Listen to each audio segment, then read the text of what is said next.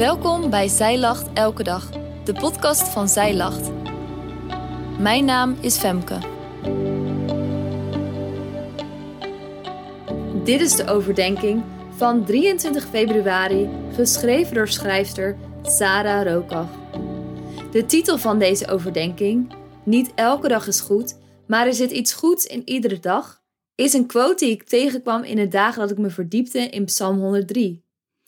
Ergens klopt deze quote wel, alleen zou ik zelf goed met een hoofdletter schrijven. Niet elke dag is goed, maar er zit iets goeds in iedere dag. Iedere dag worden we gezegend en mogen we een loflied zingen voor God. Loof de Heer mijn ziel en vergeet geen van zijn weldaden, die al uw ongerechtigheid vergeeft, die al uw ziekten geneest. Iedere ochtend spreek ik de Baruch Hashagar uit. Dit zijn de morning blessings. Iedere zin begint met: Gezegend bent u, God onze Heere, Koning van het heelal. Waarop mijn oudste zoon Amen zegt. Iedere ochtend zeggen we hetzelfde, om zo Gods weldaden nooit te vergeten. En om te blijven danken, ook op dagen dat het moeilijk is. Danken vraagt om oefening.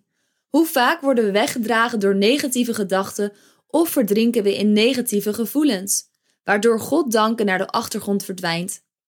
Psalm 103 begeleidt ons in het oefenen van dankbaarheid. Een aantal voorbeelden die de psalm aanwijst als redenen tot dankbaarheid zijn Gods trouwe zorg, zijn eindeloze genade en zijn diepe liefde. Kijk je mee? In vers 3 lezen we dat God al onze zonden vergeeft en al onze ziekten geneest. Dit roept vragen op, omdat God zeker niet altijd mensen geneest. Rabijn Rashi zegt hierover dat God ons gedrag vergeeft en de reden achter het gedrag geneest. Een voorbeeld is het stelen van een snoepje. Als er berouw over betoond is, wil God dat vergeven. Maar echte genezing vindt plaats op het moment dat iemand gaat begrijpen waar het gedrag vandaan komt. Waarom stil jij een snoepje?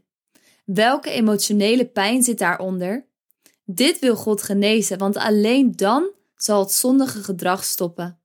God wil niets liever dan ons genezen van alles wat we ons belemmert en waaronder wij lijden.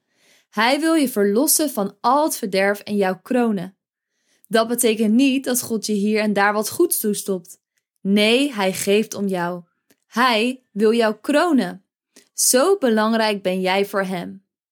Waar Hij ons mee wil kronen? Met chest, zo staat er in het Hebreeuws.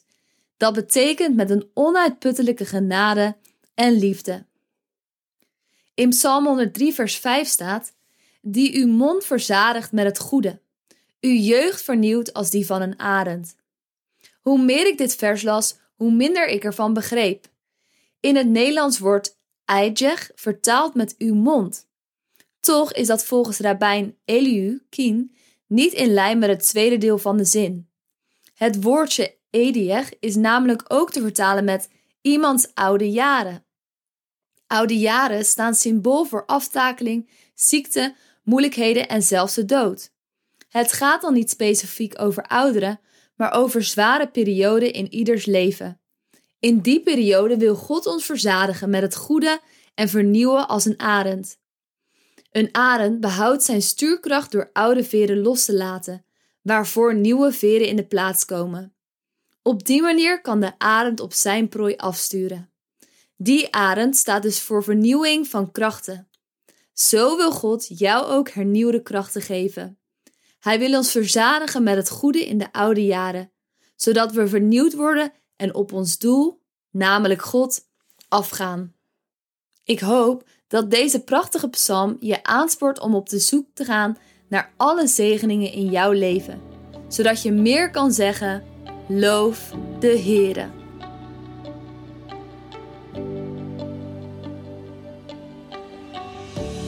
Dankjewel dat jij hebt geluisterd naar de overdenking van vandaag. Wil je de overdenking nalezen? Check dan onze website. Je vindt er ook meer toffe dingen die jou helpen om de Bijbel vaker te openen, zoals boeken bijbels, cursussen en evenementen.